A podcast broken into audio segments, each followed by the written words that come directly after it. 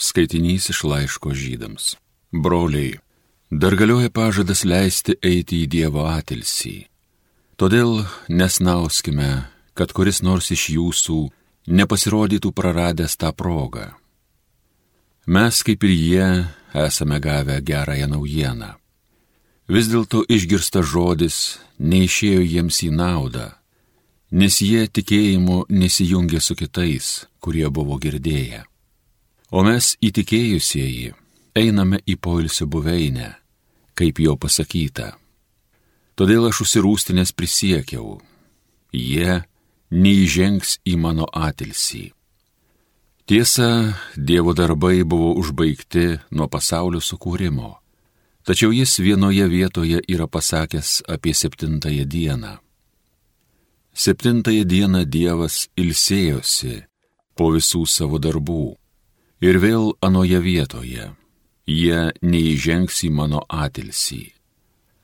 Tad stenkime įžengti į aną atilsį, kad niekas nebenupultų, sekdamas neklusniųjų pavyzdžių.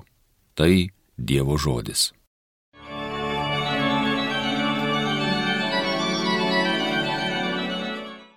Neužmirškime Dievo stebuklų. Ką žinom, ką esam girdėję, ką mūsų protėviai apsakinėjo, bylosim kartoms būsimosioms, koks viešpats šlovingas, galingas. Neužmirškite Dievo stebuklų. Kad jie iškilmingai vaikams savo bylotų, lieptų vien tik Dievu pasitikėti, neužmiršti Dievo stebuklų, įsakų jojo laikytis neužmirškite Dievo stebuklų, kad jie kartais netaptų kaip jūsų tėvai, karta kietas sprendė maištinga, karta turėjusi širdį nesažiningą, neištikima buvusi Dievui.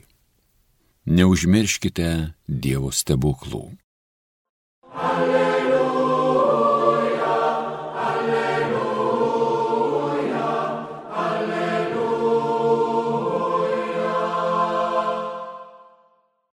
Didis pranašas atsirado tarp mūsų, Dievas aplankė savo tautą. Alleluja, alleluja, alleluja.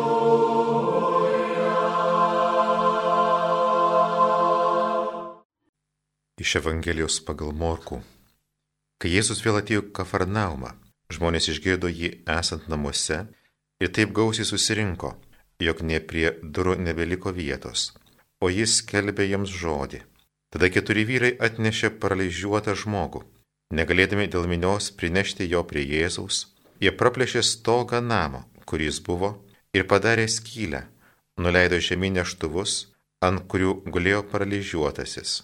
Išvykęs jų tikėjimą, Jėzus kreipėsi į paralyžiuotąjį. Sūnau, tau atleidžiamos nuodėmės.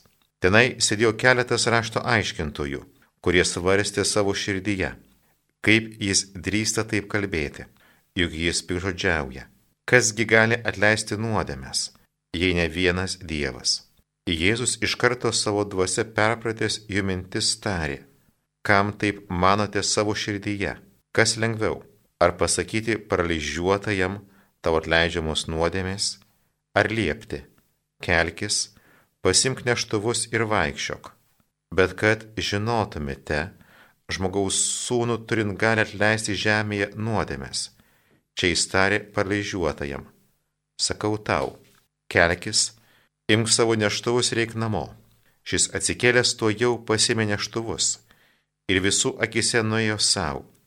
Visi be galo stebėjosi, išlauno Dievą sakydami, tokių dalykų mes niekad nesame matę. Girdėjote viešpatie žodį.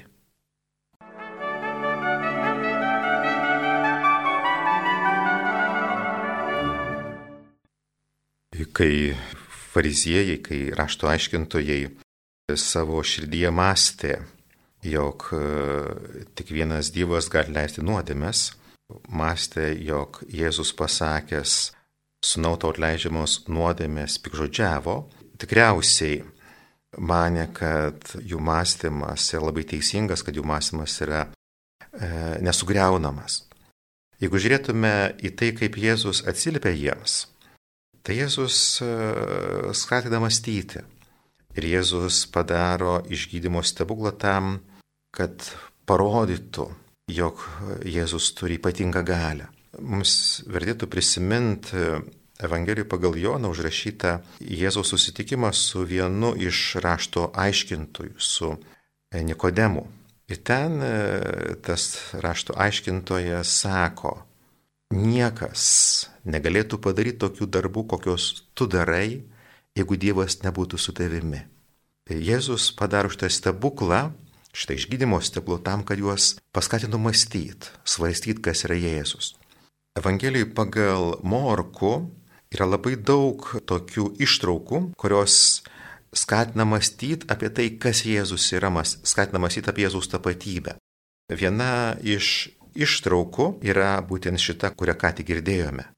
Tai, kad nuodėmės gali atleisti vienas Dievas, Jėzus to neginčia.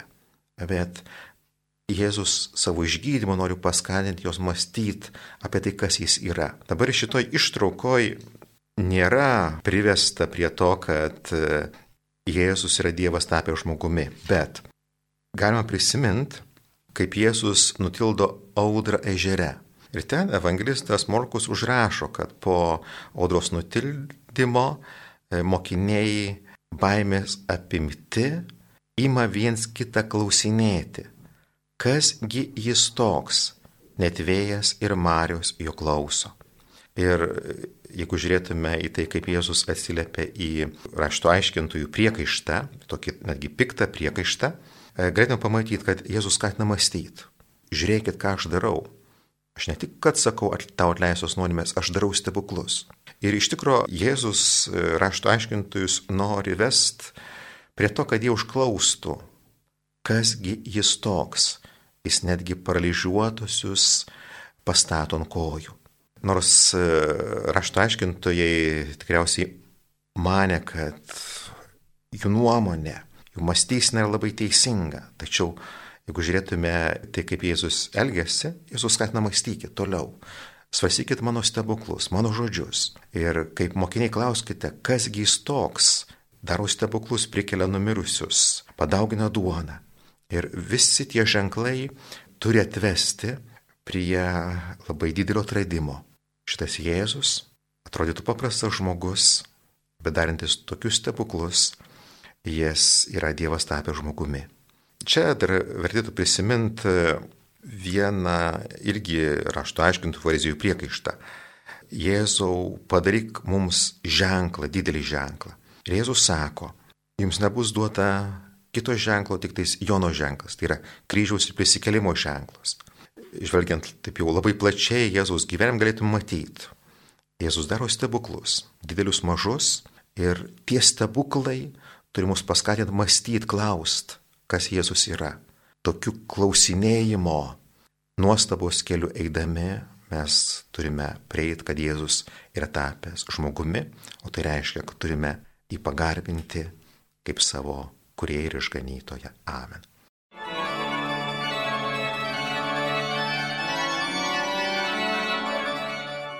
Homilyje sakė kunigas Rimgaudas Šiulys.